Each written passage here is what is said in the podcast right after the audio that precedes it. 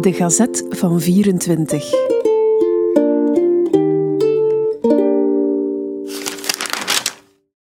...18 februari 1924.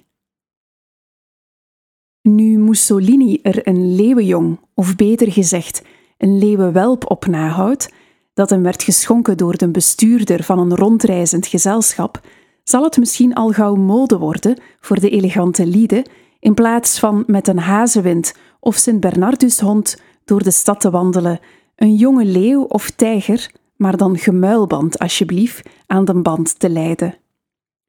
In afwachting kunnen we reeds de prijzen mededelen waarvoor deze lieve diertjes verkrijgbaar zijn.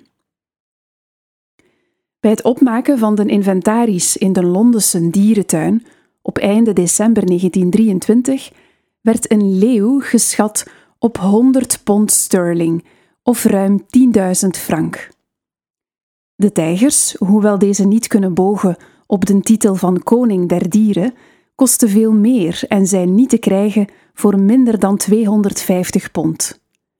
Wie zich een olifant wil aanschaffen, bijvoorbeeld om ermee naar zijn kantoor te rijden, zonder gevaar te lopen in de Brusselse straten door een auto te worden verpletterd, zal daarvoor betalen van 300 tot 400 pond, al naar gelang van de ouderdom, het geslacht en de gezondheidstoestand van het dier. Andere, zeer decoratieve dieren, zoals neushoorns en nijlpaarden, kosten onderscheidelijk 700 en 800 pond. En wie zou voor 70 pond nog een miereneter willen missen?